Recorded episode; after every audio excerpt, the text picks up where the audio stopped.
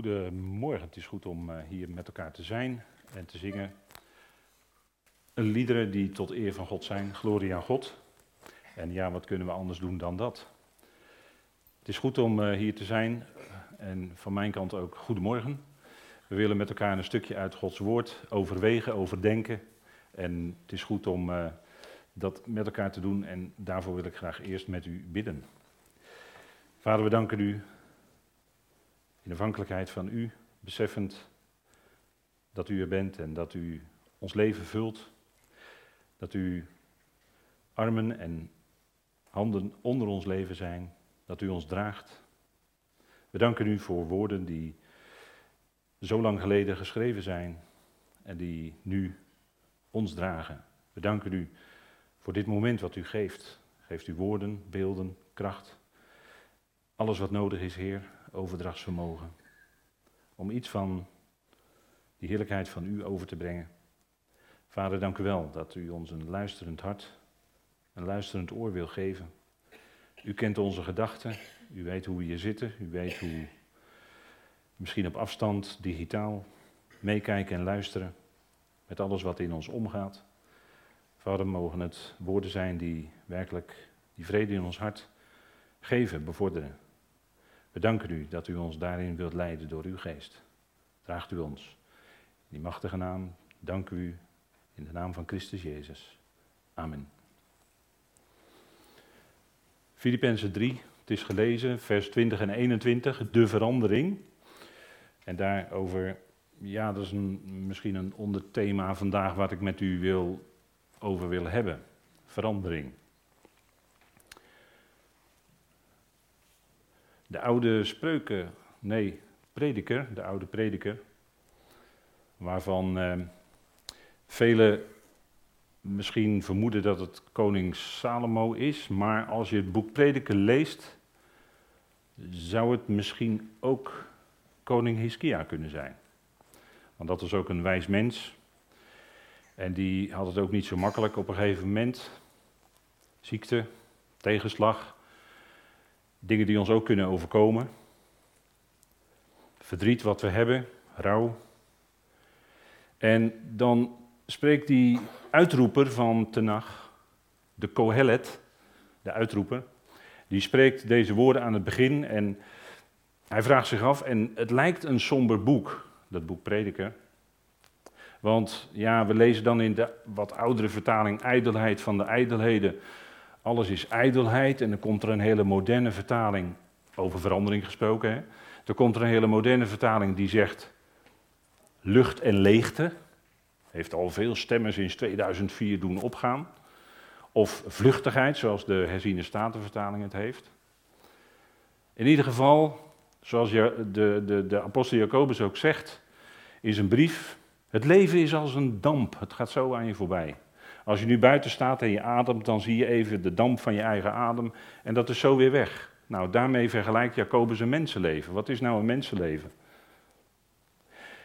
Prediker zegt het hier ook, hè? En, en Prediker, dat lijkt een somber boek, maar het, heeft, het, is wel heel, uh, ja, een moeilijk woord, existentieel. Het, is, het heeft met ons bestaan te maken. De dingen die we doen, dat vraagt de prediker zich direct af in vers 2, 3.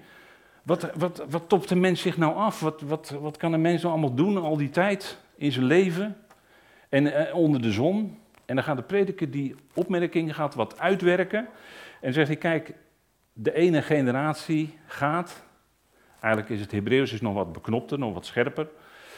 De generatie gaat en generatie komt.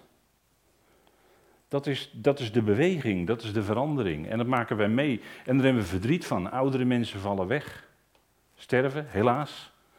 In verwachting van de opstanding, natuurlijk, maar toch. Maar de tegenstelling hier, die prediker zegt, maar de aarde, en dan komt er een klein vast puntje zou je kunnen zeggen, maar de aarde staat voor de eon, de aarde staat voor deze tijd.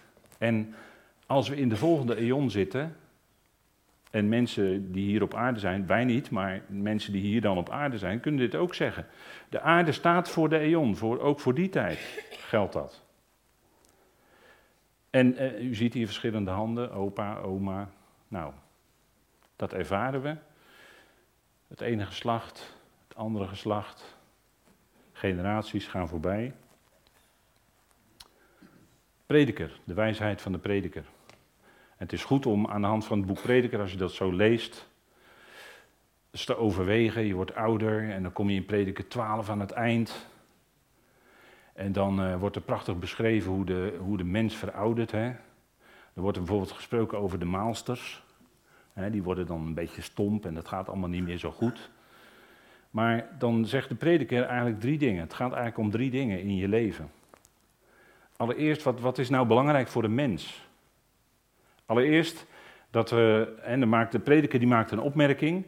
Allereerst dat de mens God leert erkennen als God. God leren kennen als God. In ieder mens zit een Gods besef. De mens weet dat God er is.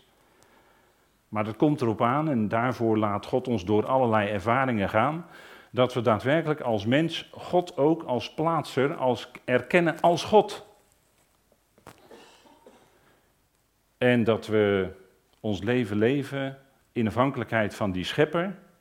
En dat we ons bewust zijn dat die mens zich bewust is dat er in de toekomst al die daden van de mens, ja, dat wordt op een of andere manier, en dat weten we inmiddels, dat het verschillende momenten kunnen zijn, dat het door God die verschillende momenten worden afgewogen. Of met een misschien wat zwaar woord het oordeel komt, of het gericht komt. En als je nou kijkt wat Paulus zegt op de Areopagus, dan zegt hij in feite hetzelfde als wat de prediker zegt. Want hij zegt, ja, die, die onbekende God, die sokkel die jullie hebben gemaakt voor die onbekende God, die God predik ik jullie. En in hem leven wij. Van de week hadden we gesprek met iemand en die zei ook, ik leef helemaal in God. En degene die dat zei was echt een diepgelovig mens. Die, die getuigde daarvan. En, en die getuigde ook dat die vrede, want daar ging het in de liturgie ook over, in het, hè, die vrede in het hart, dat is wezenlijk. Die vrede in het hart is zo wezenlijk voor een mens. Kostbaar, daar, ging, daar, daar werd gisteren ook iets over gezegd. Over die vrede van God, niet de vrede met God, dat is heerlijk, maar de vrede van God die dan in je hart is, dan heb je rust, overgave aan God. Dat bedoelde diegene die we spraken. Ik leef helemaal in God. En die had daar volkomen rust in. Dat is wat voor ons ook een vast punt is. De prediker zegt, de aarde staat vast voor de eon. Maar wat voor ons een vast punt is, dat ons domein, en dat is hier niet op aarde, maar dat is in de hemelen. Dat zegt Paulus in Filippenzen 3, wat we gelezen hebben. Ons domein, wat is nou een domein? Een domein is zou je kunnen zeggen, ja, het woord, dat de, in de grondtekst heeft is het verbonden met het woord stad. Of eigenlijk, een, een, in die tijd had je stadstaten ook. Aan zoiets zou je kunnen denken als beeld van wat voor boven die werkelijkheid is. Waar de Efezebrief over spreekt, dat ons lotdeelbezit is in Christus te midden van de hemelsen of van de hemelingen. Dat is boven, dat is de ons thuis, dat is daar, dat is ons domein, dat behoort aan de hemelen toe, zegt Paulus. En hij sluit hier een hele bijzondere brief af, de Filipense brief, waarin het gaat om de, ja, een woord wat we ook niet meer zo in ons taalgebruik gebruiken, ootmoedigheid. Het woord hoogmoedigheid, dat is het tegenovergestelde, ja, dat wordt nog wel eens gebruikt, omdat mensen kunnen soms... Uh, zo hoogmoedig zijn dat het zelfs uh, anderen heel erg gaat opvallen. Maar nou, ootmoedige gezindheid. Dat is de houding, de grondhouding die de apostel Paulus hier in deze brief naar voren brengt. En wat is nou ootmoedigheid? Dat heeft, het grondwoord heeft te maken met laag. En mensen willen zich graag hoog verheven voelen boven anderen. Zo van, ik weet het allemaal beter en ik, ik kan het allemaal beter en ik ben de beste en weet ik wat allemaal. Hè? Al die concurrentie die mensen onder elkaar kunnen hebben. De apostel Paulus niet. De apostel Paulus die ging een weg niet zo omhoog dat hij boven iedereen... Nee, God maakte hem tot een zeer ootmoedig mens die die woorden van God mocht spreken. Hij had alles verspeeld. Had zelfs de gemeente van God vervolgd. Overstromende genade was hem geschonken en dat maakte hem ootmoedig. Want genade slaat al jouw eigen werken uit je handen. Dat maakt je tot een ootmoedig mens. Jij kunt het niet, God wel. En ons domein behoort aan de hemelen toe. Dat is, onze, dat is ons uitzicht, dat is ons thuis. Dat is waar we in feite, een uitlegger die zei, waar we in feite in wandelen. En dat is heel raar. We wandelen hier op aarde, we staan met onze voetjes hier op de grond en we leven gewoon ons leven. En we zijn eh, in ons dagelijks leven, eh, als Nederlanders zeggen we, doe maar gewoon, dat doe je al gek genoeg. We zijn heel down to earth, hè, zeggen we dan in het Nederlands. We staan met onze beide voetjes zo vast op de grond, maar in feite voor ons gelovigen, wat is nou ons geheim? Onze wandel is in feite boven. We zijn niet meer zo gebonden aan deze dingen hier op de aarde. En dat is ook de tegenstelling tussen het voorgaande stukje, waarin de apostel Paulus heel ernstig spreekt over de vijanden van het kruis. En daarvan zegt hij, die zijn aardsgezind.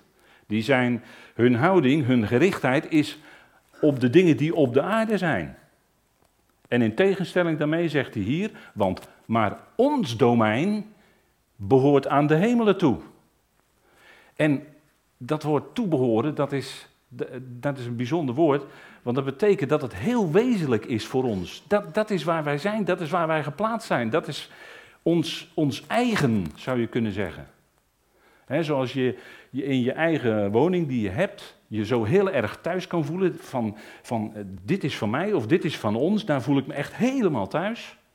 Dat, daar, hier hoor ik in dit huis, dat behoort mij toe en ik hoor aan dat huis toe, zou je kunnen zeggen bijna. Nou zo hè, als een voorbeeldje, misschien maar gebrekkig, maar ik probeer het een klein beetje onder woorden te brengen. Boven, ons domein behoort aan de hemelen toe, zegt Paulus. Dat is de waarheid voor ons vandaag. En dat is geweldig. Want dat maakt je los van die, ja, al die aardse beslommeringen. We hebben er allemaal mee te maken. De prediker die zei het ook. Wat topt de mens zich toch af? Zoveel jaar onder de zon, zwoegen. Moeilijk, moeizaam. En het verandert allemaal zo snel. En toch is dit dan het vaste punt voor ons. Ons domein behoort toe aan de hemelen. Geweldig, hè? Kijk, en dan zegt u ja, maar wacht even, wacht even, wacht even, je gaat te snel. Ons domein boven, ja, oké, okay, daar wil ik nog wel in meegaan, dat wil ik nog wel. Maar alles om mij heen verandert zo snel.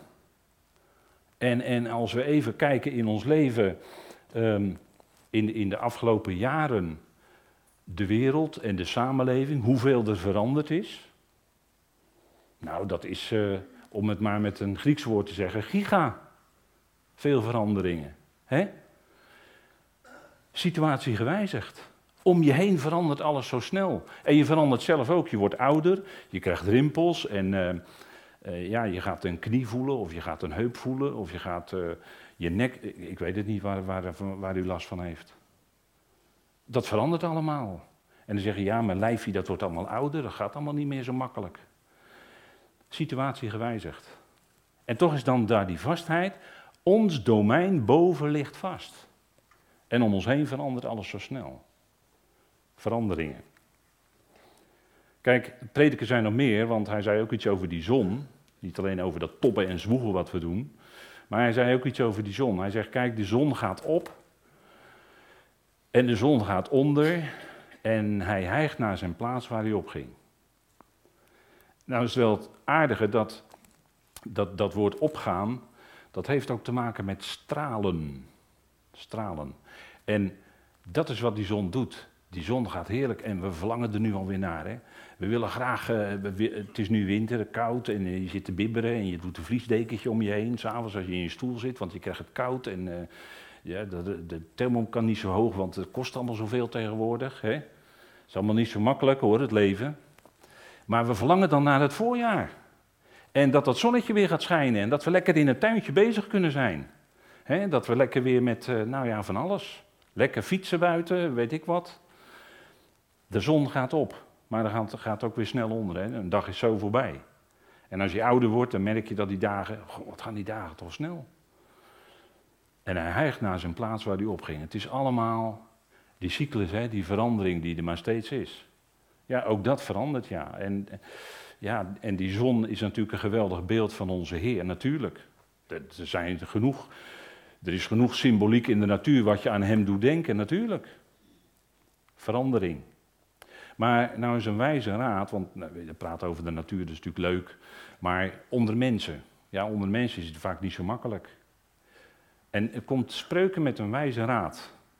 Mijn zoon, en natuurlijk ook dochter, hè, vrees Yahweh en de koning. Laat je niet in met hen die op veranderingen uit zijn. Pats.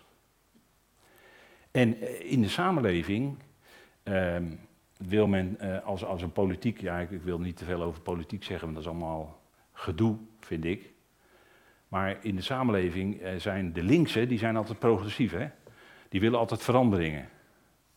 En de rechtse, die zijn uh, conservatief. Die willen alles bij het oude houden. En naarmate de tijd vordert, denk je, het is eigenlijk een spelletje wat er gespeeld wordt. Dat denk ik wel eens. Politiek, links, rechts. Maar de koers gaat toch op een bepaalde kant op. Mijn zoon, vrees Jawij en de koning, laat je niet in met hen die op veranderingen uit zijn. En, die, en dan kun je zeggen, ja, je geeft mij een stemadvies. Nou, dat bedoel ik helemaal niet. Want ja, als je domein in de hemel is, zou je ook best kunnen zeggen van nou, ik, ik ga maar niet stemmen, want wat maakt het toch, wat maakt het uit? Dus laat je niet in met die progressieve, hè, zo zou je dat misschien kunnen vertalen voor jezelf. Maar hen die op veranderingen zijn. Men wil veranderingen. En ik noemde net al de taal. Nou, ik heb hier de herziene statenvertaling. En we hebben de statenvertaling. De later kregen we de NBG-vertaling. Toen kregen we de NBV in 2004. Hè. En er is nu alweer een revisie gekomen in 2021. Weer een nieuwe NBV met 12.000 veranderingen. Allemaal veranderingen. Allemaal andere woorden. En wat moet je ermee? Kijk, als je. Ja, vervelend hè. Ik heb hier een boekje, dat is een concurrente vertaling. Die daar leg je begrippen in vast, dat zijn trefwoorden. En dan weet je, kijk, dat trefwoord dat ligt vast en dat is dat Griekse woord. Of dat is dat Hebreeuwse woord. Dan heb je een stukje vastheid. Al die veranderingen, al die vertalingen, mensen weten dan niet meer. Ja, maar ik, ik was gewend om in mijn NBG dit te lezen en nu lees ik weer wat anders. Misschien heeft die spreukenschrijver aan de, van de koning, dat, hè, dat is een gedeelte wat dan aan, aan de koningszoon wordt geschreven. Misschien heeft die spreukenschrijver ook iets te zeggen dan over Gods woord. Kijk, Gods woord dat, dat is iets wat, wat vast ligt. Hè? Dat, is, dat verandert niet. Maar daar, daar komen we ook nog op. Laat je niet in met hen en Yahweh, dat is ik ben. Hè? Ik ben. En dat is de tijdnaam, zou je kunnen zeggen, van God. Hè? Ik ben, ik ben die ik ben. Ik ben die ik zal zijn. Of ik was die ik zal zijn. Het zit allemaal in die naam. Dat is geweldig. Ik ben, hij is er altijd. Hij is de onveranderlijke. En hij trekt toch met je mee. Dat zit ook in ik ben. Hij trekt met je mee door het leven. En hij is er altijd. Paulus zegt op de Areopagus, in hem leven wij, bewegen wij ons en zijn wij. In wie? In God die geest is. Hij is overal. Je kunt, niet, je kunt hem niet ont, ontvluchten, maar dat is wat Psalm 139 ook zegt, dat God er altijd is. U bent altijd nabij. Als ik s'nachts lig te slapen, of ik lig misschien wel te piekeren, of ik heb het moeilijk, u bent er altijd. En die Psalm 139 zegt nog iets heel bijzonders. Voor u is de duisternis als licht. In feite bestaat er voor God helemaal geen duisternis. Want God is licht en in hem is in het geheel geen duisternis. En als het duister wordt in ons leven, is hij daar toch, niet te min, met zijn licht. Vrees Yahweh en de koning, dat is het beste wat je kunt doen. Vrees Yahweh. Diepe eerbied hebben voor Yahweh. Hem wel vereren. Hem wel vereren wil zeggen dat je eerbied, dat je vrees hebt voor God. Je hoeft niet bang voor God te zijn, maar wel diepe eerbied hebben voor, want het is de grote schepper van hemelen en aarde die jou gemaakt heeft zoals je bent, met al je mogelijkheden en je onmogelijkheden als mens. Hij heeft jou zo gemaakt. Hij vormt je ook in je leven. Door alles heen, door al die veranderingen. Hè. Veranderingen hebben we vaak moeite mee. Door al die veranderingen heen vormt hij je in je leven, vormt hij je hart. Kijk, want hij verandert niet. Dat is wat Malachi zegt, de profeet. De, de, mijn, mijn boodschapper, hè, betekent uh, die naam, dat is een mooie naam, mijn boodschapper. En Malachi had ook wel wat te vertellen. Want ik, Jaweh, jullie Elohim, verander niet. In tegenstelling tot het gedrag van de zonen van Jacob. Want jullie, zonen van Jacob, zijn niet geëindigd. Dat kun je op twee manieren opvatten. Je kunt zeggen, nou, dat volk Israël is daar nog steeds. En dat is ook zo en dat zal ook blijven, want zij hebben onvervreembare beloften van God gekregen. Die beloften die veranderen ook niet, die blijven staan. Ondanks het gedrag van het volk.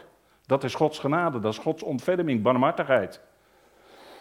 En daarom is dat volk niet geëindigd. Maar als je hier in tekstverband kijkt, je leest wat teksten verder, dan worden heel ernstige dingen gezegd over Israël. Want dan wordt er gezegd, jullie beroven mij. Jullie houden je niet aan mijn onderwijzing. Er wordt het vier keer toe gezegd in de volgende versen. Jullie beroven mij. En daar waren ze niet mee geëindigd, die zonen van Jacob. Wordt hier niet voor niks Jacob gezegd en niet Israël? Want Israël is oprecht met God. Maar Jacob, u weet het wel, ja, dat is de hiel en er moest eerst bij de Jabok komen. dan wordt er gespeeld met die Hebreeuwse letters, Jabok, Jacob. Maar in dat bedriegen, of in dat uh, roven moet ik zeggen, roven, dat is het woord. In dat roven, daar, zit, daar zitten ook die letters van de naam Jacob. Dus je ziet dan in de tekst terug dat Jacob bezig is en hij berooft, ze beroven God. Ze houden zich niet aan de tiende. Ze, ondanks dat Nehemia had gezegd, jullie moeten vanaf nu, en Ezra had het uitgelegd, jullie moeten vanaf nu de Torah houden die God jullie gegeven heeft, de onderwijzing. En dat deden ze niet. En daarvan zegt God dan via Malachi, jullie beroven mij. Want jullie houden je niet aan mijn Torah, jullie houden niet, nemen niet de tiende in acht. Zo is God. Kijk, hij is Jawel, ik ben, dat is degene die met je meegaat, maar God is ook onderschikker. Dat is de naam Elohim, dat is de meervoudsvorm. Onderschikkers, zeggen we dan. Dat is degene die je wijst. Dat is degene die, als ik het vanuit het Griekse woord zeg, dat is degene die jou je plaats toewijst in je leven. De plaatser. God is de onderschikker. Hij schikt je en hij beschikt, kun je ook zeggen. hij is de, de Duitsers hebben daar een mooi woord voor, verfuger. Dat is de beschikker, degene die beschikt over jouw leven. Want, want uh, ons leven, dat, dat lijkt soms een, uh, ja, een doolhof, misschien wel. Steeds weer anders. En toch is God degene die ons leven leidt, die ons wijst. En ons leven in feite bepaalt. Hij is de onderschikker. En die, dat, is, dat is altijd een beetje moeilijk, die naam, of die titel Elohim. Dat wordt ook voor mensen gebruikt. Hè. Mozes was een Elohim voor Israël. Was een onderschikker voor Israël. Wordt ook het woord God gebruikt. Mozes en Aaron. Onderschikker. Dat wil zeggen, God werkt in je leven zodat je je aan hem gaat onderschikken. Wat, dat is wat de prediker in feite ook vaststelt. Hè? Dat wij ons leven leven, we gaan door allemaal veranderingen heen, door allemaal moeilijkheden heen, door lijden heen, door verdrukkingen heen. En dat is niet makkelijk. Dat is een moeilijke weg. Dat is een weg van tranen. Daardoorheen gaan wij en God gaat met ons mee. En, en op die weg brengt Hij ons steeds meer tot onderschikking. En gaan we, wat de prediker ook vaststelt, dat we God gaan leren erkennen erkennen, niet alleen kennen, maar erkennen, dat is veel meer. Dat is diep, diep besef, in het diepe besef leven dat God werkelijk God is. En dat hij het bepaalt in je leven. En als wij eigenwijs zijn, en dat zijn wij, ik ook. Als we eigenwijs zijn, dan is daar degene die wijzer is en die ons wijst de juiste plek. Kijk, Vastheid tegenover verandering. We hebben vastheid nodig, hè? al die veranderingen, daarin hebben we vastheid nodig. En Psalm 102 die zegt daar iets heel moois van. U hebt voorheen de aarde gegrondvest. Hè, die, de aarde staat vast. Hè? U hebt voorheen de aarde gegrondvest. En de hemelen zijn het werk van uw handen. Wat een monumentale uitspraak over God. Hè? Dat is enorm. Wij, maar ook wij, u en ik, wij zijn het werk van zijn handen. Niet alleen in dat grote hemelen en aarde wat we om ons heen zien. En u ziet hier een mooi plaatje van, van bergen. Dan kan je mooi wandelen of fietsen of wat dan ook. Prachtig. Dat is die vastheid, hè? die bergen getuigen van die vastheid van, van God, dat, dat, wat vaststaat. En de hemelen zijn het werk van uw handen, fantastisch. Daar kan je aan, aan ja, dat is geweldig. Maar gewoon wij als mens, nou even kijken bij als mens, uh, in ons bloed, DNA, allemaal structuren. Stempel van de schepper. DNA en hoe dat allemaal werkt, je immuunsysteem, had je allemaal niet kunnen bedenken hoor. Maar dat heeft God zo gemaakt. dat, uh, we praten niet eens over iets anders. God is de schepper. Over andere dingen valt gewoon niet te praten. Dat is wat mensen aan filosofie misschien bedenken.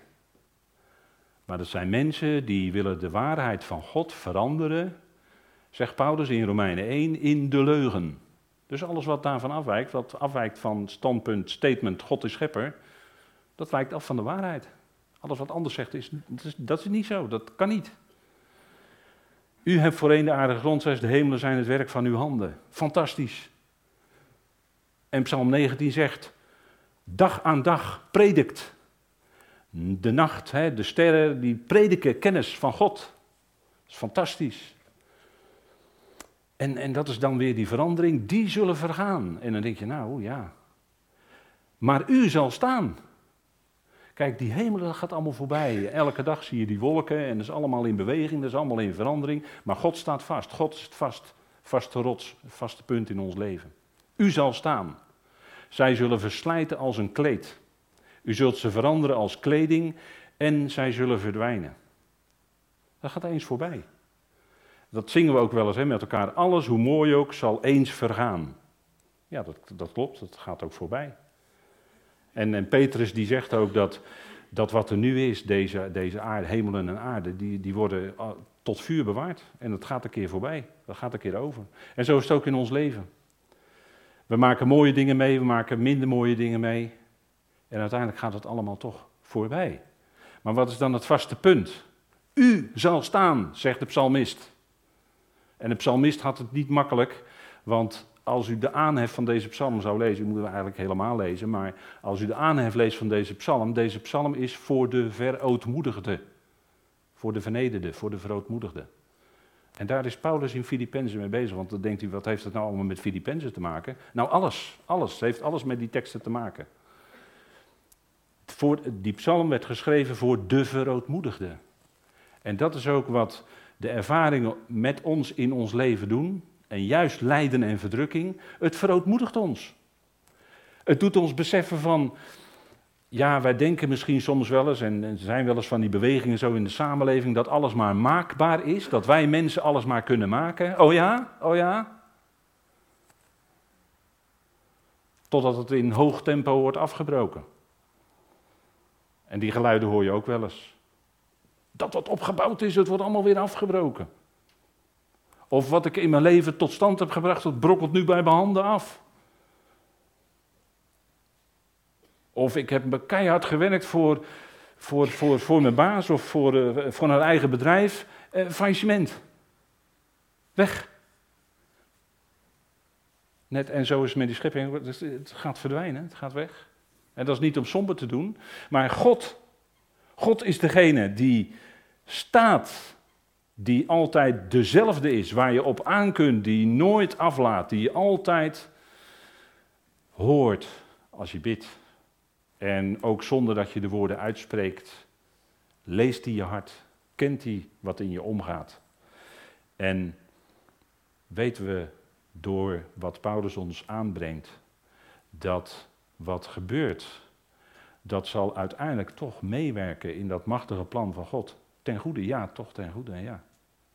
Dat negatieve in ons leven wat wij ervaren, ja, is dat ten goede? Ja, uiteindelijk wel. Uiteindelijk wel. Maar het gaat in deze wereld helemaal fout. Alles gaat naar de, hoe, hoe zeggen ze dat? Galamiezen geloof ik, hè? dat is een oud woord. Alles gaat naar de, ja, nou, netjes, koud netjes. Galamiezen. Toch niet. Toch niet.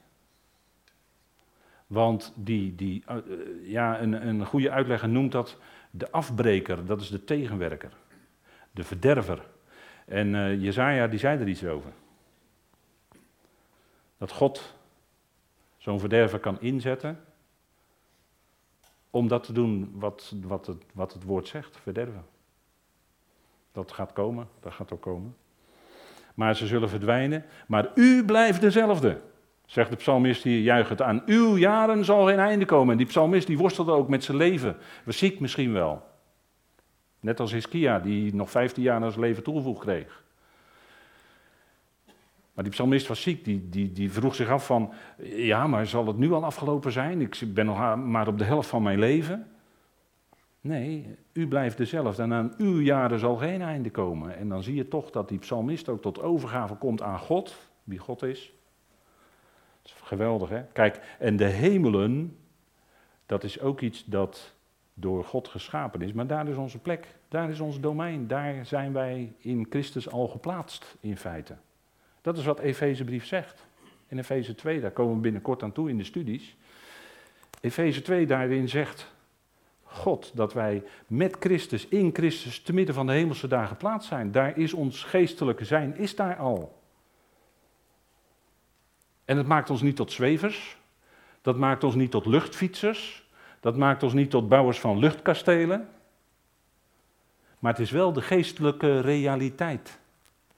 En ik hoop en ik bid dat u daar iets van ook beseft. Dat daar onze verwachting ligt, dat daar onze ja, werkelijke belangstelling ten diepste van ons hart naar uitgaat. Daarboven, waar hij is, te midden van de hemel. Paulus zegt het ook in de Colossensebrief. Bedenk de dingen die boven zijn, waar Christus is. Gewoon, terwijl je in je dagelijks leven bezig bent met je handjes en heel druk bezig bent met je, weet ik wat allemaal. Huishouden, werk, weet ik wat u allemaal doet. Stofzuigen, En toch, terwijl je druk bezig bent, bedenk de dingen die boven zijn. Kan dat? Ja, dat kan. Dat is niet onmogelijk. Paulus vraagt geen, God vraagt geen onmogelijke dingen van ons. En dat is de hemelen waaruit wij ook verwachten de redder. We verwachten hem. En, en dat is een, voor het woord verwachten staat best wel een sterk woord in de grondtekst. Dat is uit die hemelen, daar komt hij vandaan. En, en we staan eigenlijk klaar om, om hem als het ware te ontvangen. Maar het is andersom. Hè? Als hij komt, dan gaat hij ons heel snel naar zich toe trekken. Het is niet zo dat wij de Heeren tegemoet gaan alsof wij zelf wandelen naar de lucht toe. Zo is het niet. Dat zegt de NBG-vertaling, dat zegt de Statenvertaling. De Heeren tegemoet. En het is tot een slogan geworden. Maar het staat er niet. Sorry, het staat er niet. Kan, kan het ook niet helpen. Er staat dus dat wij weggerukt worden dus wij zijn passief en hij is actief. Weggerukt worden op het moment dat de bazuin klinkt. En dan zullen we ineens bij hem zijn. En dan zijn we bij hem in vijandig gebied hoor. Want de overste, de vorst van het volmachtsgebied van de lucht, die is met druk bezig in deze tijd. En dat kun je zien als je goed kijkt. Dus hij trekt ons en hij zet ons tot een geweldige ontmoeting met hem in de lucht en dat is vijandig gebied. Want daar zijn machten, krachten enzovoort bezig die we niet kunnen zien, maar we kunnen de uitwerkingen wel voorzien, want ze gebruiken mensen. Daarom is onze worsteling of wat dan ook, die wapenrusting, is niet tegen bloed en vlees. Dus wij strijden niet tegen mensen, of wij verdedigen ons niet tegen mensen, maar tegen die geestelijke boosheden in de lucht. Dat is wat Paulus zegt in Efeze 6. Hij gebruikt dan het woord worsteling. Verdediging hebben we nodig. Enorm. De hemelen, de lucht die nu bezwangerd is van allerlei. Zonder dat u daar bang voor hoeft te zijn, helemaal. We hebben wapenrusting, hoef je niet bang voor te zijn. Maar dat is waar wij hem verwachten. Uit de hemelen, daar komt hij. Ineens zal hij er zijn. De redder. Hij komt dus ook niet om, om ons te veroordelen of wat ook. Nee, wel nee. Hij komt als redder. Hij komt ons redden en we zullen erkennen, het zal precies op tijd zijn. Exact, het juiste moment. God doet alles natuurlijk exact op de juiste seconde. En dat gebeurt ook in een, ja, in een ogenblik. Hè, dat woord atoom gebruikt Paulus dan. Hè, een onsnijdbaar moment. Dus zo kort zal dat gebeuren. En wij verwachten Hem als redder. Dat is fantastisch. Het is fantastisch als Hij komt.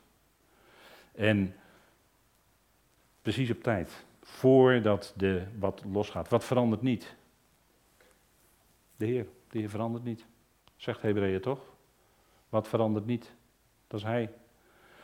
Jezus Christus is gisteren en heden dezelfde voor de eonen, voor de tijdperken. Hè? Eonen, een onafzienbaar lange tijd, waar soms het einde niet van, of je kan niet bepalen hoe lang het zal duren, maar toch, er zal een keer een einde aankomen. De schrift spreekt over de einden, meervoud, van de eonen, ook meervoud. Iedere eon heeft een einde. Er bestaat niet zoiets als eindeloze eeuwigheid in de zin van dat het door die woorden wordt gezegd. Jezus Christus is gisteren en vandaag dezelfde, ook voor de eeuwen. Ook in de komende tijden, de duizend jaren, zoals u wilt, de dag van de Heer en de nieuwe aarde, nieuwe hemelen, is hij dezelfde. Wil niet zeggen dat hij altijd hetzelfde doet, dat is wat anders. Maar hij is wel dezelfde. Hij is de onveranderlijk. Hij is de uitdrukking van Yahweh. Zijn naam betekent toch Yahweh is redder. Hij is dezelfde. Hij is niet veranderd. Alleen dat wij ervaren in het begin van ons geloofsleven en later dat we Hem, dat we God, dat we Jezus heel anders ervaren en dat het verdiept in ons leven en dat in diezelfde woorden die ons steeds weer aanspreken steeds meer verdieping komt, dat komt door onze ervaringen. Maar Hij is dezelfde. Alleen wij kunnen in één keer nooit als, als mens al dat licht al dat licht wat van hem uitgaat, van zijn woord uitgaat, dat kunnen we nooit in, in een maand of zo allemaal tot ons nemen en gaan beseffen. Daar heb je tijd voor nodig. Dat moet je verwerken. Dat moet, je, eh, dat moet uh, zakken in je leven. Hoe moet je het zeggen? Zakken in je hart. Je moet het gaan erkennen. Dat is een proces. En, en naarmate je langer dan daarmee leeft en ermee bezig bent, komt er meer licht. Ga je meer zien. En ga je ook van de dingen meer zien. Wat verandert niet? De waarheid van God. Zodra het gaat om verandering, mensen die hun eigen of een andere koers of eh, in de samenleving of uh, zo is ook de evolutietheorie gebruikt om de waarheid van God te veranderen. En wat wordt er dan? Ja, leugen. Dat is wat Paulus zegt in Romeinen 1. Als je de waarheid van God verandert, dan wordt het leugen. Dan wordt het pseudo. Dan zeg je, dat klopt niet. Nee, dat klopt ook niet met Gods woord. De waarheid van God, die blijft staan. Hè? En, en de waarheid, de waarheid dat heeft altijd de eigenschap om op een of andere manier weer boven te komen. Waarheid kan weggedrukt worden, waarheid, en dat is wat mensen ook doen, hè, in ongerechtigheid, zegt Paulus ook in Romeinen 1. De waarheid wordt door mensen, en dat is ongerechtigheid hoor, als ze dat doen, wordt in ongerechtigheid neergehouden. Als het ware, ze gaan er bovenop staan ze proberen het maar te onderdrukken. Tot dat moment dat ze geen kracht meer hebben om die waarheid te kunnen weerstaan. En dan komt er weer naar boven. Dan komt hij weer. Dus de, de waarheid is daar dan. Die waarheid was er niet veranderd. Die was er altijd al. Alleen werd neergehouden, werd achtergehouden, werd neergedrukt. Die waarheid van God verandert niet. Net zoals God zelf niet verandert. Hij blijft dezelfde. En natuurlijk kunnen mensen natuurlijk alles te proberen te sleutelen en het blijft staan. Dat is eh, het geweldige van God. Kijk, en daarmee natuurlijk dat woord van God. Dat blijft ook staan, dat verandert niet. Dat woord van God, dat ligt vast. Die woorden van God, zegt de psalmist in psalm 7, of uh, psalm 12, die zijn zeven keer gefilterd voordat het in het woord terecht kwam. Hè? Zulke woorden, daar hebben we dus mee te maken. Dat is niet zomaar wat. En, en eh, dit is eigenlijk heel mooi wat hier staat, want dat staat in het, uh, vandaar de letter Lamet, eh, de Hebreeuwse letter Lamet. Dit staat in het Lamet gedeelte van Psalm 119. En Psalm 119 is een prachtige psalm. En nu zegt u, ja, dan ga je zeker zeggen dat je die niet bij tafel leest. Hè? Nee, nou, dat moet je maar een andere keer doen. Of moet niet, moet niks, maar het is een prachtige psalm. In het Lamet gedeelte staat van die psalm, voor de eon, Yahweh, staat uw woord vast in de hemelen. Dat is iets wat vast is. Dat is net zo vast als dat God zelf is, zijn woord. Hij heeft het gesproken, dabar. Dat staat hier ook, het woord dabar. En dan wordt het ook daad, dan wordt het ook werkelijkheid. Dan, wordt het, dan zal het ook een keer gestalte krijgen. Het kan duizenden jaren duren. Maar als God het gesproken heeft, en zo heeft hij zijn belofte waar we het eerder over hadden, belofte gegeven aan Israël, dat woord heeft hij gesproken, die belofte zal hij vervullen. En dat er tijdelijk de wet bijkwam, 430 jaar later, zegt Paulus in de gelaten brief, ja dat was tijdelijk, maar die belofte bleef staan. Dat die wet kwam, dat veranderde daar niks aan hoor. Dat deed alleen maar de overtredingen en de krenkingen toenemen. Dat was de bedoeling en dat gebeurde ook. Maar die belofte blijft staan. Voor de eon staat uw woord vast in de hemelen. Wat is vast in ons leven? De schriften, Gods woord. Daar kun je van op aan. Hij zal doen wat hij beloofd heeft. Dat is een geweldige God hoor, die we mogen kennen. En dat is heerlijk, dat verheugt je hart. En dan kun je inderdaad vol overgave zeggen, ja, ik leef helemaal in God. Dat is geweldig. Als je dat kunt, als je dat kunt zeggen. En degene die dat zei, was ook volle werkelijkheid in dat leven. Is het. Uw woord staat vast in de hemelen. Kijk, dat woord van God, dat is iets wat, wat rijk is, wat, wat inhoud heeft, wat, wat je leven werkelijk inhoud geeft. Want al die veranderingen, je kunt je natuurlijk, stel dat dood dood is, eh, dat bij de dood alles stopt. En eh, ja, dan, ja dan, wat ga je dan doen? Dan ga je alles uithalen uit het leven wat erin zit. En dan hebben we een bucketlist, ken je dat? Bucketlist. Dat is een mandje. En dan ga je indoen wat jij allemaal nog in je leven wil doen voordat je doodgaat. Want ja, als je doodgaat is alles afgelopen. Nou ja, bucketlist, dat, ja, ja, maakt mij niet uit wat, wat u doet, maar ik, ik doe dat niet hoor, een bucketlist. We zien wel, we kijken uit naar, we zien wel, nee, dat klinkt zo onverschillig, hè? nee, nee, nee, dat bedoel ik niet. We kijken uit naar ons domein in de hemelen, die redden, die komt, die verwachten wij. Dat vult ons leven. Dan heb ik geen mandje, ik heb persoonlijk dan geen, niet zo'n mandje nodig.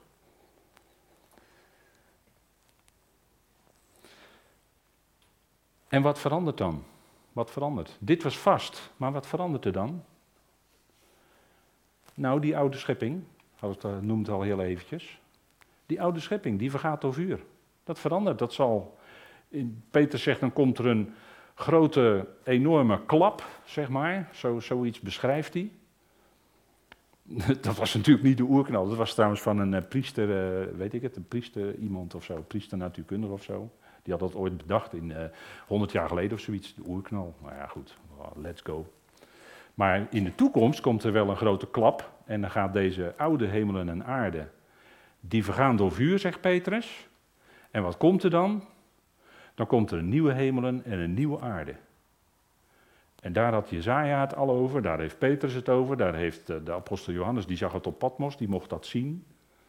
Dat was adembenemend wat hij daar zag. Nieuwe hemelen en een nieuwe aarde. Dat is geweldig. Dat is toekomst. Dat is een grote verandering. En dat is een verandering die geweldige redding zal brengen. Ja, we kijken uit naar die redding van heel de schepping. Daar gaat het naartoe. Dat zijn veranderingen ten goede. En wat gaat nog meer voorbij? Die oude mensheid. Of de oude mens gaat voorbij. En dan zegt u nou gelukkig wel, ja. Gelukkig wel. Want die oude mens, dat, dat, van jezelf, al die, uh, al die uh, laat ik maar zeggen, onhebbelijkheden, laat ik het daar maar mee samenvatten. Daar wil je eigenlijk maar het liefst vanaf. Nou, dat is mede gekruisigd met Christus. Dat is, ja, dat is in één zinnetje dan even snel gezegd, hè. Maar dat is heel wat hoor. Dat gaat heel ver en dat gaat heel diep. Mede gekruisigd met Christus. Wie? U, jij, ik, die hele mensheid. En die worden gekarakteriseerd. Hoe? Nou, onze oude mensen, het vlees, dat zijn rovers en misdadigers. Dat is die oude mensheid. Dat is wat Gods woord ervan zegt. Dat zijn u en ik in ons oude ikkie. In ons vlees. In ons vlees, hè, van God afgekeerde kant van de mens. Eh, eigen leven, hoe je het ook noemen wil. Uh, al, dat, al dat wat daar in, in het vlees zit, allerlei hele akelige dingen. En als die eruit komen, dan worden die door Paulus beschreven, maar dat is een heel akelig rijtje. En als je beseft medegekruist met Christus, dan zeg je op een gegeven moment, ja, daar wil ik niks meer mee te maken hebben. Ik wil graag dat die vrucht van de geest in mijn leven gaat groeien en niet die akelige, verschrikkelijke werken van het vlees. Maar die zijn mede gekruisigd met Christus.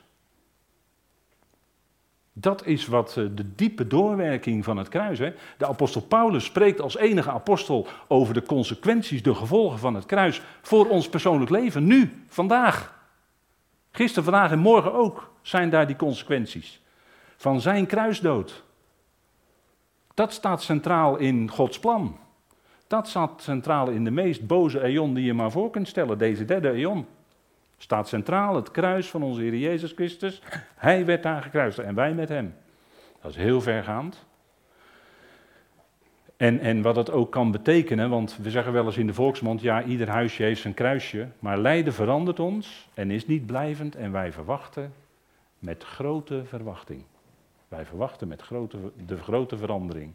Kijk, het is de Heer Jezus Christus die wij verwachten en hij zal ons vernederd lichaam omzetten, zodat het, ja, zodat het veranderd wordt. Dat is een geweldige verandering die gaat komen in de toekomst. Wat een heerlijkheid, hè? De Heer Jezus Christus zal ons vernederd, verootmoedigd lichaam omzetten. Hè, weer dat woord ootmoedigheid. Filippenzen. Lichaam van vernedering staat er eigenlijk, lichaam van de vernedering. En God geeft goede geschenken en dit is een geweldig geschenk wat hij ons gaat geven. Dit is een geweldig geschenk als de vader van de lichten, bij wie geen verandering is of schaduw van omkeer. Hebben we het weer, hè? Een geweldige verandering in de toekomst bij die vader van de lichten. Daar geeft hij dus licht. Hij geeft licht. En bij hem is geen verandering of schaduw zelfs van omkeer. Dat is vast, dat is geweldig, hè? die heerlijke toekomst. En we gaan afsluiten, want de kinderen komen al naar beneden. Maar Paulus die had iets van gezien. Dat heerlijkheidslichaam. Tegenover het lichaam van de vernedering zet Paulus hier het lichaam van zijn heerlijkheid, het lichaam van zijn verheerlijking. En dat is zo'n onvoorstelbaar licht, daar was de apostel drie dagen blind van. Zo'n grote heerlijkheid. Een grotere heerlijkheid dan de Heer had in zijn opstandingslichaam toen hij bij zijn discipelen in de opperzaal kwam. Dat was zijn opstandingslichaam. Maar hier spreekt Paulus over een grotere heerlijkheid. De heerlijkheid die de Heer had op weg naar Damascus. En, en daarmee, daar kunnen wij aan denken. Dus wij, als, als God ons zal veranderen in de toekomst bij de bazuin, dan zullen we niet die mate kennen zoals het opstandingslichaam van onze Heer was. Maar wij zullen kennen en ervaren het lichaam van zijn heerlijkheid. Daar worden wij aan gelijkvormig gemaakt. Dat is iets wat, ja, transfiguratie met een moeilijk woord, een omzetting, die is zo groot en het gebeurt in een heel kort, superkort tijdsbestek.